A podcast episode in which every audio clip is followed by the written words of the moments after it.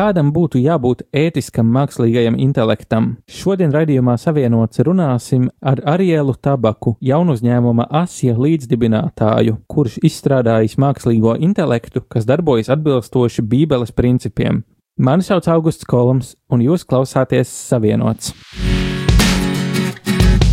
Esi savienots ar mums, Radio Marija raidījumā Savienots. Raidījums sadarbībā ar Kristīgo portālu Tuvumā.CLV. Uzklausām, vērtējam, izpētām un iesakām.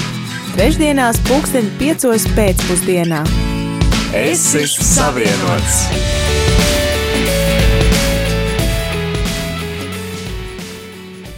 Jau pēc maza mirkļa iepazīsimies ar šodienas raidījuma viesi, bet vispirms ieklausīsimies, kas uz ielas satiktiem garām gājējiem ir sakāms par mākslīgo intelektu.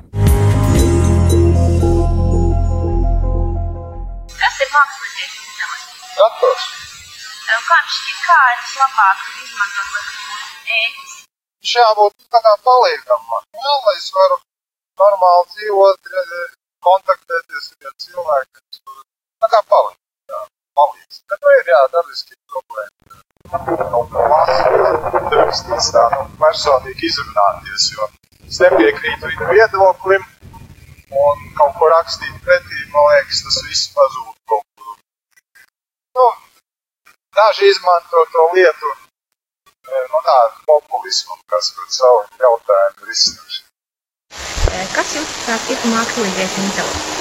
Ā, Mākslīgais intelekts, nu, tas ir uh, cilvēka radīts elektronisks, tā teikt, dators, varētu teikt, vienkāršiem vārdiem. Un uh, no savā ziņā tas mums atvieglo uh, dzīvi ar dažādām opcijām. Kā jūsuprāt, tas būtu vislabāk, visētiskāk pielietot? Mākslīgais intelekts, nu, par to es īpaši neesmu domājis, kā visētiskāk to varētu pielietot. Bet, ja tas nerada, mums nekādus draudus kā sabiedrībai, tad uh, es domāju, ka to varētu izmantot. Rubrika Personas. Ar tevi raidījums Savienots. Šodien ar mani studijā kopā ir Ariels Tabaks, jaunu uzņēmuma Asija līdzdibinātājs. Čau! Sveiks! Ariels ir ļoti rets vārds, vai tas ir vārds, ko tev deva vecāki? Nē, mans ģimenes vārds īstenībā ir Austris, bet Ariels ir vārds, ko es arī īstenībā esmu saņēmis speciāli no kāda ļoti tuva cilvēka, kas ir mans tāds biznesa vārds, ko es izmantoju ikdienā, jo es ikdienā dzīvoju Manchesterā, Anglijā, un tam vārdam arī nozīme ir. Pastāst par nozīmi. Ariels nozīmē sirds pēc dieva, vai arī lauva no dieva, no ebreju valodas, un daudziem cilvēkiem Ariels saistās ar Ariela vai Ariela no mazās nāriņas, vai citiem ar veļas pulveri, bet tas stāsts ir tāds, ka Ariela īstenībā ir vārds, kas ir vīrieždzimtē, un tā kā tā nozīme ir sirds pēc dieva. Austris joprojām ir, un ā, ģimene, man mamma, man brālis sauc Austris. Es izmantoju Arielas biznesā un Anglijā ar draugiem, un jā, tas ļoti dabiski ir, un man liekas arī svarīgs punkts ir tas, ka kaut vai ja mēs runājam par tādu lietu kā Bībeli, par apstulu Pāvilu. Pāvila vārds nav Pāvils, Pāvila vārds ir Sauls, bet viņam tika dots vārds Pāvils, ko viņš pārņēma. Un ā, viņa iemesls tam vārdam bija tieši tas, ka viņš gribēja uzrunāt cilvēkus, kuri atcerās sauli kā sauli, un ja es ikdienā esmu biznesā un mans vārds ir vārds, ko, piemēram, angļu vai amerikāņi nevar izrunāt, es, protams, varu kā pieņemt to, ka jā, tas ir viss, ko es gribu, ka man tur paņem to vārdu, bet Ariels tas ir vārds, ko ļoti pieņem cilvēki visapkārt. Pastāsti savu stāstu, kā Austris kļuva par Arielu.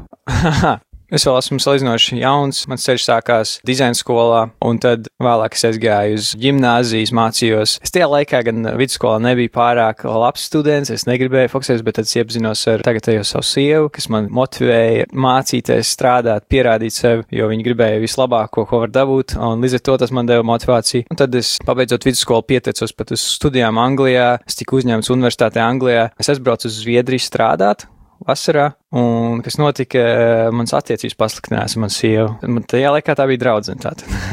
Un es sapratu, ka man vajag braukt atpakaļ uz Latviju. Es nevaru braukt uz Angliju mācīties. Es atbraucu atpakaļ, es pievienojos ļoti foršā komandā dizaina studijā Sketika, kur ir burtiski viena no labākajiem dizaineriem Latvijā. Un es no pilnīgi tāda pamata, tāda zaļa gurķa mācījos, kā kļūt labākam, un viss mani pieņēma. Un tagad, četrus gadus atpakaļ, jā, es dzīvoju Anglijā, tāpēc, ka kaut kā tā sanāca, kad es atkal esmu Anglijā, kad es atkal pieteicos skolā, es atkal tur varēju doties. Un tagad es esmu starp Angliju un Latviju ar jaunu uzņēmumu, veidojot tādā globālā sfērā, ne tikai Latvijā. Izklausās pēc ļoti piepildītas dzīves. Kur tu smelies enerģiju, lai darītu kaut ko tādu, ko vidusmēra cilvēks nav izdarījis?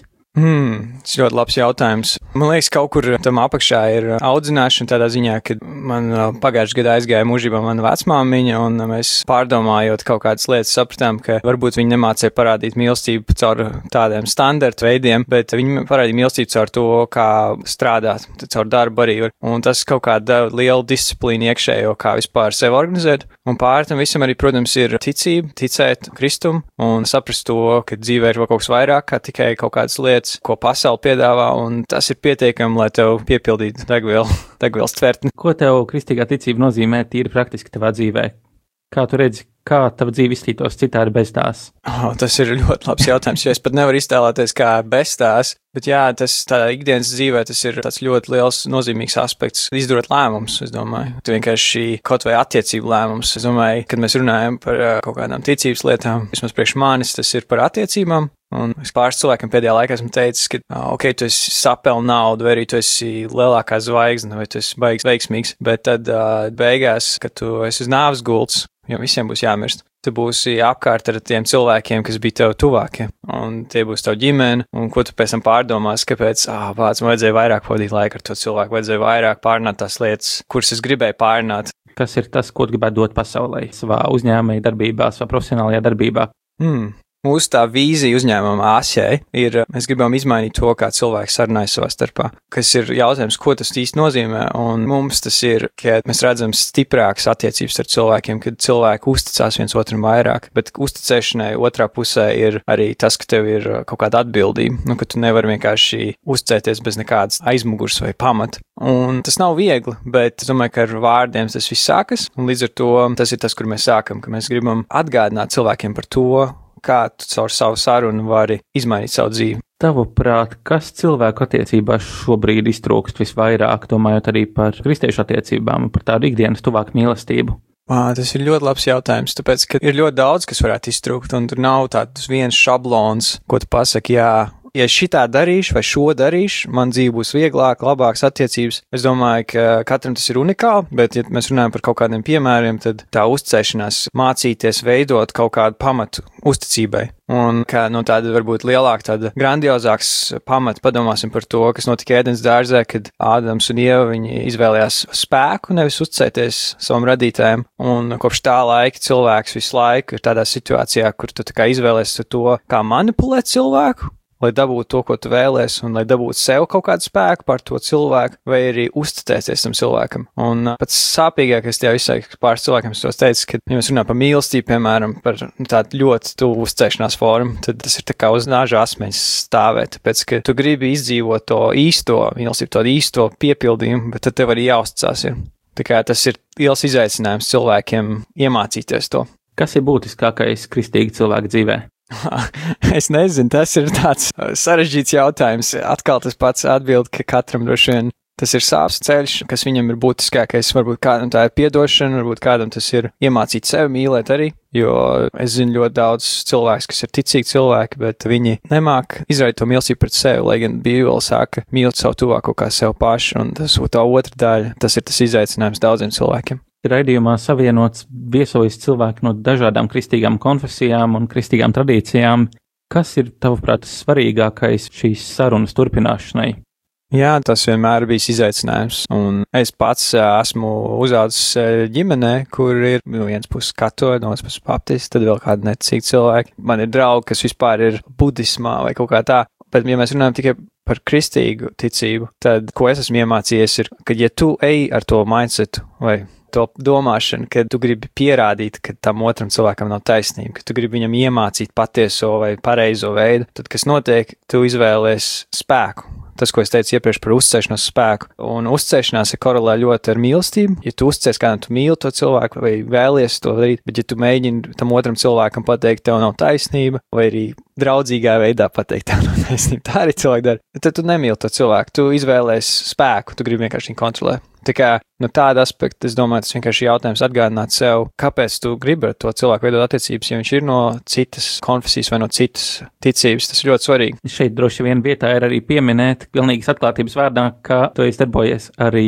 pie tuvumā LV zīmola iesākumos. Pastāst vairāk par to, kā tas bija un kāds tavs ieguldījums. Um, jā, īstenībā tur uh, ir tā, ka Aija, kas ir veidotājs sirds tuvumā, viņa um, diezgan agri mani arī aicināja iesaistīties, un mēs satikāmies pāris reizes, un ko es pasaku, kā es no sākuma tajā brīdī rakstīju kāds rakstus, viņi gribēja rakstu, bet viņi redzēja, ka es īstenībā strādāju ar dizainu zīmoliem, un mēs sākām vienkārši sarunu par to, kā šis mēdījis varētu eksistēt, un caur sarunām mēs daudz ko kopīgi pārunājām, un arī par zīmolu nosaukumu, par to, kā viņu to zīmolu padarīt cilvēciskāku. Un, bet, nu, katrā ziņā lielākais mans atklājums tajā visā procesā bija AIE, tāpēc, ka es ļoti daudziem cilvēkiem strādāju, bet zinot to, cik tas darbs ir ļoti prasīgs, AIE tiešām cīnās tā kā cīnītājs un ir super draudzīgs cilvēks. Es vienkārši neko, tas ir, kad es runāju par to, par tuvumā, man asociēs AIE, un tas ir tīri man personiski, un, protams, tagad viņš ir izaudzis par zīmolu, mēs runājam par uh,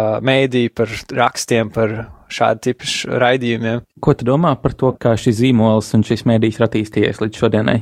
Es redzu, ka tas varētu augt vēl uz visām pusēm, kas ir kaut kas, kas, protams, visticamāk ir kaut kur aizmugurē, pārdomās, bet es redzu to, ka tas ir pēc tāda principa, kā tam vajadzētu būt, ka mēs runājam par uh, multikonfesiju mēdī, kur jebkurš var justies drošs, bet tā pašā laikā visi zina vienotu mērķi. Un uh, kaut vai tagad nesen es skaitu iekšā, tur bija raksts par mūziku, ko klausīties. Un tas ir pozitīvi, tas ir forši. Es zinu arī to, kā citi cilvēki strādā mēdījos, viņi raksta rakstus, kas ir paredzēti, lai pievilktu uzmanību, bet šeit tev ir mēdījis vai vieta, kur tu iegūsti vērtīgu, nozīmīgu informāciju. Un es domāju, tas ir tas mans tāds pārskats par to, kur es redzu pašlaik to zīmolu. Tu pieminēji vērtīgu, nozīmīgu informāciju. Tavuprāt, Kas ir tas, kas cilvēkiem ir vajadzīgs šodien, meklējot nozīmīgumu? Es domāju, viena lieta ir tas, ka, ja mēs atkal skatāmies no tādas kristīgas prizmas, ka tas pats atzimšana, kad mēs izlemjam, ka mēs vēlamies sekot, ka mēs pieņemam kristību, ka mēs veicam šo procesu par to, ka mēs atskamies. Tam procesam ir nozīme, un ja mēs runājam par sabiedrību, tad nav tā, ka tu vari vienkārši visu laiku likt klāt Un tas dod nozīmi, ka tu vienkārši pateiksi, jā, šis ir jaunais veids, jauns produkts, kas tev palīdzēs, vai jaunā grāmata, vai tu laik tikai lietas klāt informāciju, kas tā kā ir laba, vērtīga, bet tur nav godīga atskatīšanās par patiesību, kur tu īstenībā esi. Un tas ir tas, ko es redzu, ka cilvēki mēģina ignorēt to sāpīgos punktus, tos brīžus, kad viņiem vajadzētu būt godīgiem pret sevi. Es runāju par rūpēm par sevi. Ļoti daudz cilvēku Latvijā nerūpēs par sevi. Tas, ko es esmu iemācījies, redzot cilvēkus, es redzu, ka, ka cilvēki ir uzauguši tādām dīvaši nu, varbūt tādu vēsturisku mantojumu situācijā, kur tu vienmēr cīnies, tu vienmēr mēģini izdzīvot. Un tā rezultātā cilvēki izdara mazāk izvēles par sevis aprūpi. Nu, tā kā viņi nedomā par to, ka viņi varētu iedot sev to vakar brīvu vai arī nopirkt kaut ko. Viņi nopērk tās lietas tikai, lai justos labi, bet nevis tāpēc, ka viņi zina, ka viņi ir vērtīgi. Un to vietu, kur tu esi tajā brīdī, kad tu saproti, ka tu esi vērtīgs, tu tikai dabūni tajā brīdī, kad tu jūti to kritumu, to kritienu. Kā es savai sieviņai stāstu, mums ir tāds princips - sirdspūksta attiecības, kad visām attiecībām pamatā ir sirdspūksts, tu ej augšā un tu nokritīs lejā. Ja tu esi miris, tad tev nav neviens augšs un lejas. Bet, ja tu ej augšā, tu zinās, ka ties lejā atkal. Tā kā esi gatavs, būs atkal pārbaudījums, būs atkal kaut kas, ko tu negaidīji, bet tiec tam pāri un ties atkal augšā. Un varbūt tas ir tas, kur Latvijā ir, ko es dažkārt jūtu, ka varbūt kādi cilvēki grib visu laiku būt tur augšā, viņiem ir bail no tās apakšas. Es pieņemu, savi augšā un lejā ir arī uzņēmējdarbībā. Kas būtu tas, ko tu vēlētos sacīt klausītājiem, kuri arī vēlas iet uzņēmējdarbības pasaulē, kur varbūt baidās no tā, ka viņi varētu saskarties kādām grūtībām, neveiksmēm? O, grūtības būs. tas ir tev, kas, eh, kā man ļoti cilvēks teica, tā kā, o, oh, ok, tev daudz vairāk jāstrādā, tā ka tev ir savs uzņēmums, nu jā, tā tas normāli ir. Tu domā savādāk, es tāds, uh, mm, nu, tu tā kā neesi tam pieredzējis, bet tā pašā laikā, ja tev ir sirds uz to, tu to nejūti tik ļoti rūpēt dēdz. Tā kā es teiktu, varbūt tā, ka tas pirmkārt, kā es pāris cilvēkiem esmu stāstījis, ka, ja tu sagaidi, ka tas būs, oh, es tur būšu ļoti veiksmīgs un tās, tad tu jutīsi ļoti slikti, ja tu kritīsi. Līdz ar to gaidām vajadzētu vienmēr būt, ka tas būs ļoti grūti un ka tas var būt ļoti izaicinoši un ka tas būs vēls naktis. Bet, ja tu to iekšā un tu vēl projām tici tam, ja tu esi gatavs tam, tad pārējais viss ir daudz vieglāk tev. Kā viens tāds Zigs Ziglārs, tāds ļoti slavens rakstnieks, pārdevējs īstenībā, un viņš arī ir kristīgs cilvēks. Viņš teica, ka ja tu būsi ļoti stingrs pret tevi, tad dzīve būs ļoti viegla pret tevi. Kas arī varbūt diezgan nav populāri, tāpēc, ka mēs esam diezgan otrādāk. Kas ir vispārsteidzošākais no uzņēmējdarbības pasaules? Jā, es domāju, darbs. Tas, ka es pats strādāju septiņus gadus darbā, kurā es attīstījos pamazām uz augšu, un es strādāju ļoti daudz, un mēs redzējām, bija lieliska komanda kopā. Līdz ar to nevienā īstā brīdī nebija tāds liels pārdoms, bet te pašā laikā nu, tu jūti to, ka tev ir jātiek tālāk kaut kur. Un tajā brīdī, kad tu ej uz to pārēju, kad tu aizēji tajā uzņēmējdarbībā, tad tas lielais pārsteigums varbūt tas atkal, ko es teicu par to darbu, ka tu vari ļoti viegli iet tādā komfortā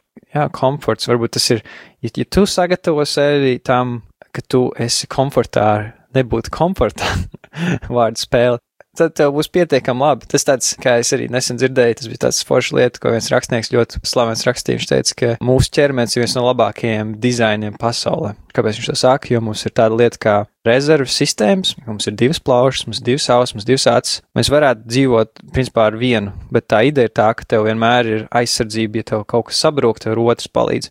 Un, ja tu padomā par biznesu vai par savu darbu, ja tu izdomā, kā būt ļoti stingram pret sevi, tad tu tā kā uzliec savu aizsardzības mehānismu tajā brīdī, kad tev nebūs spēks, tad tu jau būsi kaut kādu uzbūvējis ādu. Pēc pauzes turpināsim sarunu.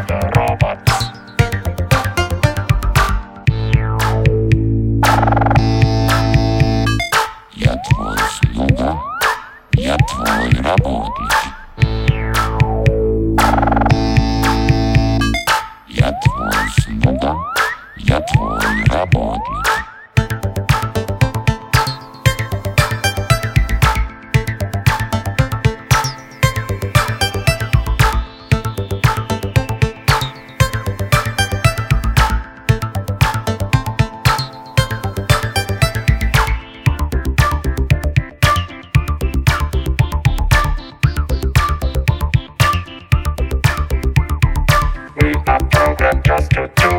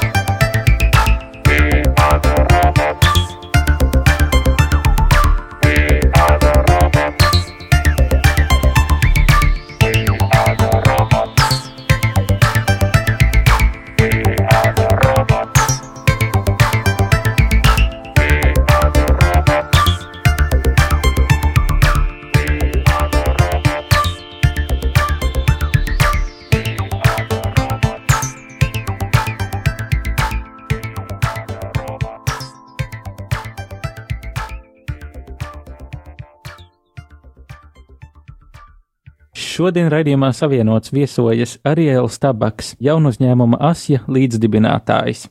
Mēs iepazināmies mazliet ar tevi un ko tu dari. Tavu uzņēmuma darbības nozare ir mākslīgais intelekts. Pastāst vairāk par mākslīgo intelektu. Jā, mākslīgais intelekts tā ir tāda salīdzinoši jauna lieta, es teiktu, Latvijā, bet pasaulē viņa ir kādi apmēram 50 gadi, ja nekļūdos, zinātne. Un tas mākslīgā intelekta zinātnē tā problēma ir bijusi visu laiku datoru spēks vai datoru jauda, jo um, tiek iztaisīts modelis, bet neviens dators viņu nevar realizēt, tāpēc ka viņš ir ļoti sarežģīts. Kas ir noticis mūsdienās, lai gan jauda ir augus datoriem ļoti ātri, arī cilvēki turpinās strādāt ar savām smadzenēm, un kas noticis, tie modeļi kļuvuši arī gudrāki. Arī veids, kā mēs risinām lietas, ir gudrāks. Un līdz ar to šajā brīdī mākslīgais intelekts, kā zinātnē vai tehnoloģija, ir nokļuvusi tajā vietā, kur viņi var sākt izmantot cilvēku produktos, un viņš sāk iedot lielu vērtību cilvēkiem. Tavuprāt, kā mākslīgais intelekts izmainīs pasauli nākamajos desmit gados? Jā, to, ir, to varētu paredzēt tikai mākslīgais intelekts. Bet, starp citu, mākslīgais intelekts jau šajā brīdī var prognozēt valsts iekšzemes koproduktu labāk kā cilvēki sešu mēnešu priekš. Līdz ar to mēs jau esam atkritījušies vai pazaudējuši daudzas birokrātas, kas pasaka par to, kāds būs nākotnes ekonomika. Bet kā tas izmainīs nākotni, es teiktu tā, ka tas ir atkarīgs no tā, kas to izmantos. Tas ir tas lielā saruna, ko daudzi politiķi un sabiedrības cilvēki runā. Ja mēs runājam par ētiku, mēs runājam par ētiku tāpēc, ka mēs runājam par tehnoloģiju, kas ir tik jaudīga, iedomājamies atomieroči. Atomieroči viņš eksplodē, viņš nogalina ļoti daudz cilvēku ļoti ātri, līdz ar to kādam tas lēmums būtu jāpieņem, lai kaut ko tādu realizētu. Un, protams, tur ir milzīgi ētiski jautājumi. mākslīgais intelekts ir tikpat vai pat lielāka bīstamība nekā atomieroči. Ja viņš nonāk nepreizās rokās, tad, piemēram, viena valsts izdomā, sabojāsim visu tur tās valsts, tur struktūras, tur ūdens, elektrības struktūras, lai tikai ieņemtu to valstu vai kaut ko tādu. Un tāpēc tik svarīgi saprast, kāda ir tā ētika, kādu mēs nākotnē gribam redzēt. Un tas ir kaut kas, ko mēs Asijā risinām, ir, ka mēs, viņš mans brālis Evalds, kurš ir zinātnieks, doktora grādā, mākslīgi intelektā, viņš ir ļoti spējīgs, bet mēs, kad sākām runāt par āsu, mēs runājām, kādu produktu mēs varētu radīt. Un, ja mēs redzam produktu, kas ir, piemēram, apdrošināšanām, vai arī nekustamiem īpašumiem, vai arī akcijām, sfēras, kur ir daudz nauda, kur ir liela vajadzība pret datiem, datu apstrādes, ok, labi, tā ir tā tā jau ļoti daudz cilvēku dara pašlaik. Bet tas stāsts ir tāds, ka tu to dari naudas dēļ, principā. Un uh, tas jautājums bija, kā to tehnoloģiju panākt, to, ka viņi ir ētiski, un tas ir tur, kur ASI nāk iekšā, ka ASI ir tehnoloģija, kas izmanto mākslīgo intelektu, lai palīdzētu cilvēkiem uzlabot komunikācijas spējas. Kad mēs runājam par ētisku mākslīgo intelektu, ko tas nozīmē praktiski? Praktiski tas ir no vienas puses. Mēs šodien mūsdienās redzam ļoti daudz vietas, kur lielās kompānijas, tiešām milzīgas miljardu kompānijas saka, mēs uztaisām ētikas principus mākslīgiem intelektam. Visam Facebook, sociālais tīkls lielākais, viņiem ir ētikas principi. Bet tas, ka tev ir ētikas principi, neko nenozīmē. Tāpēc, ka Facebook tāpat apstrādā tavus datus, un viņu pat problēma nav apstrādāt datus, bet tas viņu biznesa modelis. Viņi tev liek pēc iespējas ilgāk būt tajā savā lapā, lai dabūtu tavu uzmanību, lai viņi var pārdot reklāmas. Tas ir viņu bizness. Un lai kā viņi grib viņu izgriezt ar sabiedriskajām attiecībām, sakot, ka viņi ir ētiski kompānija. Viņu kompānijas mērķis ir dabūt tevi pēc iespējas ilgāk ekrānā. Un, ja tu izmanto mākslīgu intelektu, lai panāktu to, ka tu sēdi tur iekšā ilgāk, un viņi dabūtu to no tevis naudu par to, bet tu sāc pasliktināt savas attiecības, tu sāc justies sliktāk par sevi. Jaunākie pētījumi saka, jo ilgāk esi Facebookā, jo tu uh, sāc samazināt savu pašapziņu, kāpēc mēs salīdzinām sevi ar citiem, ar citu veiksmu stāstiem. Un jo mazāk tev ir sarunas ar kādu citu cilvēku, seju pret seju, tad tev uzreiz lielāks iespējamība, ka tu būsi iekšēji depresīvs. Kā redzat, tur ir reāls tāds līnija, kāda no kompānijas, kas saka, ka viņi ir ētiski, tu aizies līdz kompānijai, kas īstenībā nav ētiska. Daļradēja zinātniskā fantastikā ir redzēta kāda minējuma par to, kā būtu izstrādāt mākslīgo intelektu, kas ir ētisks. Kur balstās tavs princips? Ah, nu, tā ideja īstenībā ir ļoti vienkārša. Tas ir pārdomāt, kā tehnoloģiju radīt tā, lai tā kalpot cilvēku labāk. Tāpēc, ka man liekas, ja tu rādi kaut kādu produktu un tu zini, ka tas palīdzēs kādam cilvēkam, ja tu esi ārsts un tu rādi zāles, tad tas tev nav jādara slikti. Un kaut kur gan jau dienas beigās tas ir par to, ka tu mīli savu tuvāku, ka tu gribi viņam labāk kaut ko un arī pats sevi. Tā kā es domāju, tas, tas pamats tur ļoti vienkārši ir, bet jā, mēs arī dabūjām daudz iedvesmu no dažādām vietām, kā vispār domāt par šādām lietām. Piemēram, No vienas puses mēs runājam arī par citiem kompānijām, kas kaut ko tādu risina, kuras ir minējuši par tādu vēlmu būt ētiskiem. Un mēs pat nerunājam par mākslīgo intelektu kā ideju. Mūsdienās, piemēram, ir tāda lieta kā angļuiski saka zero waste movement, bez atkrituma kustība, laikam, kas ir ētisks princips. Nu, kāpēc mums vajag vairāk atkritumu dzīvē? Tas uh, pasliktina dabu, mūsu vidi, kā cilvēkiem, Un tāda domāšana, vai kaut kas tāds, piemēram, arī, kur es dzīvoju Anglijā, domāšana par to, kas ir ļoti normāli, ka tu ziedo labdarībai regulāri, ne, nevis tikai kaut kādām saviem izlēmtajām lietām, ka tu redzi apkārt, kad cilvēks sāk izdarīt šādas izvēles. Man personīgi tas arī fascinē, ka ļoti daudz tās izvēles nāk no svētiem rakstiem, no, no pirmajiem kristiešiem vai pirmās draudzes. Romas laikā bija gladiatoru cīņas, nebija nekāda tāda ideja par žēlstību. Un tāpēc daudzi cilvēki gāja pie kristīgās ticības, tāpēc, ka viņi redzēja, ka tā ir lieta, veids, kā dzīvot, kas risina reālu problēmu, ka cilvēks jūtas pieņems. Kad mēs veidojam āsiju, mēs ļoti domājam par to, lai šis produkts ir tāds neitrāls. Viņš nav fokusēts uz kaut kādu vienu mērķi, tas ir vairāk dot tev analīzi, bet tas neatņem to faktu, ka mēs esam iedvesmojušies kaut kur, mēs esam redzējuši kaut ko. Un, ja mēs runājam par avotiem, tad viens avots ir arī svētie raksti, kad salmam pamācību sakām vārdi. Tur katrā nodaļā kaut kas par mēli, par vārdu spēku, par to, kā mēs varam izpļāpāties, kā mēs varam ar vārdiem kaut ko pārdarīt, kā cilvēkiem nepatīk, ka cilvēki citi ilgi runā, kā es tagad runāju ilgi, bet mani klausās. Bet, ja mēs runājam par sarunu ar kādu cilvēku, tad vienmēr domājot par asi, mēs vēlamies panākt to, ka ir tas līdzsvars. Un vēl viena vieta, kur mēs esam iedvesmu ņēmuši, ir tāds rakstnieks C.S. Lewis. Um, Klaivs Staples Lewis, jā. jā. Un viņam uh, bija tāda grāmata, kur viņš aprakstīja par to, ka šis galvenais tēls nonāk uz šīs pasaules, kur ir tās pasaules, tā kā ieva, tajā pasaulē nav vēl ienācis krišana un grēkā, un šī pasaule ir skaista un, un, tā. Un viņš aiziet pie šīs sievietes, un viņš runā ar viņu, viņš kā sarunājas, un pēkšņi tā sieviete apstājas, viņa nerunā vairāk. Un uh, tas galvenais tēls tā kā apjuts, nevar saprast, ko darīt. Viņš saka, kāpēc to ne, kāpēc? Mēs jau beidzām runāt.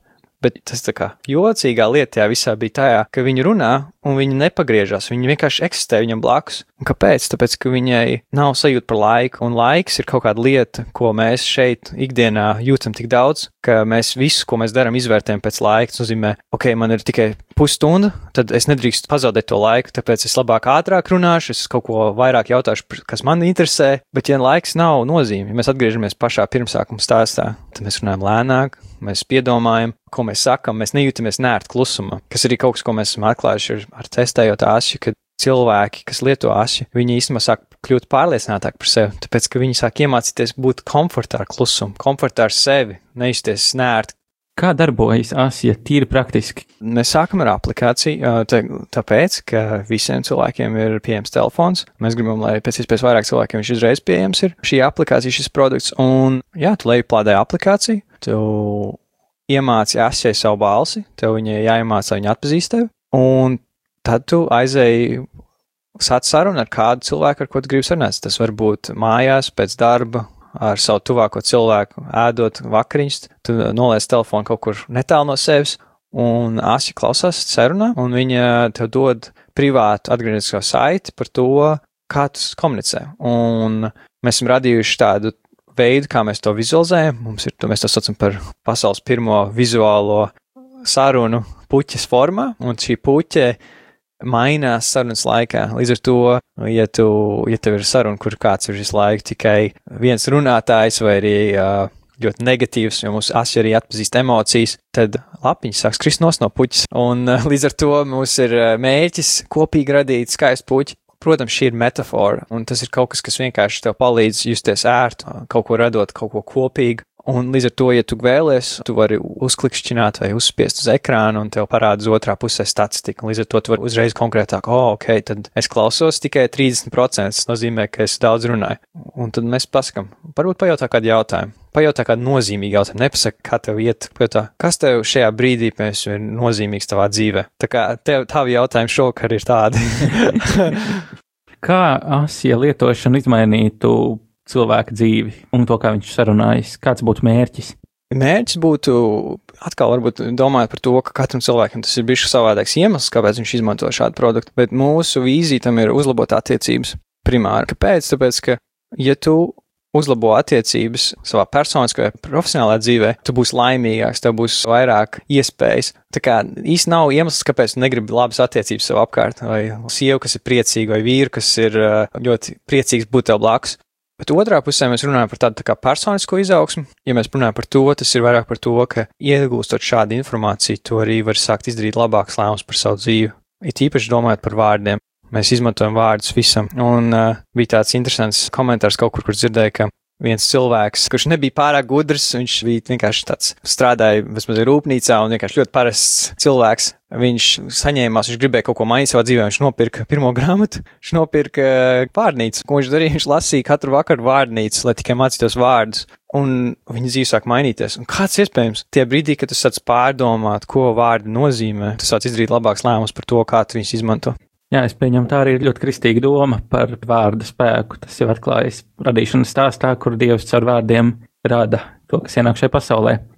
No kurienes nāk šis vārds Asija? Asija ir uh, vārds, kurš ir ļoti skaists vārds. Tas ir meitenes vārds. Tas nāk no diezgan senas valodas, no ebreju valodas. Viņš ir izmantots vārds dažādās kultūrās, un citās kultūrās ir cita nozīme. Un es zinu, ka tas vārds īstenībā ir atvasināts no vārdā Anastasija ar Y, un Anastasija nozīmē atzimšana vai augšām celšanās, bet mēs runājam par to, kur mēs tā kā redzam to, tas ir asi nozīmē grācija vai tāda um, labestība, un tas, kā mēs to izdarām, runājot, ka mēs runājam ar tādu labestību vai runājam ar tādu skaistu valodu. Mēs, e, kad to vārdu skatījāmies, mums viņš ļoti patika, mēs pārdomājām, un mūsdienās joprojām, e, ka mēs runājam cilvēkiem, cits cilvēku, oh, Āzija, kāpēc Āzija, kas ir Āzija?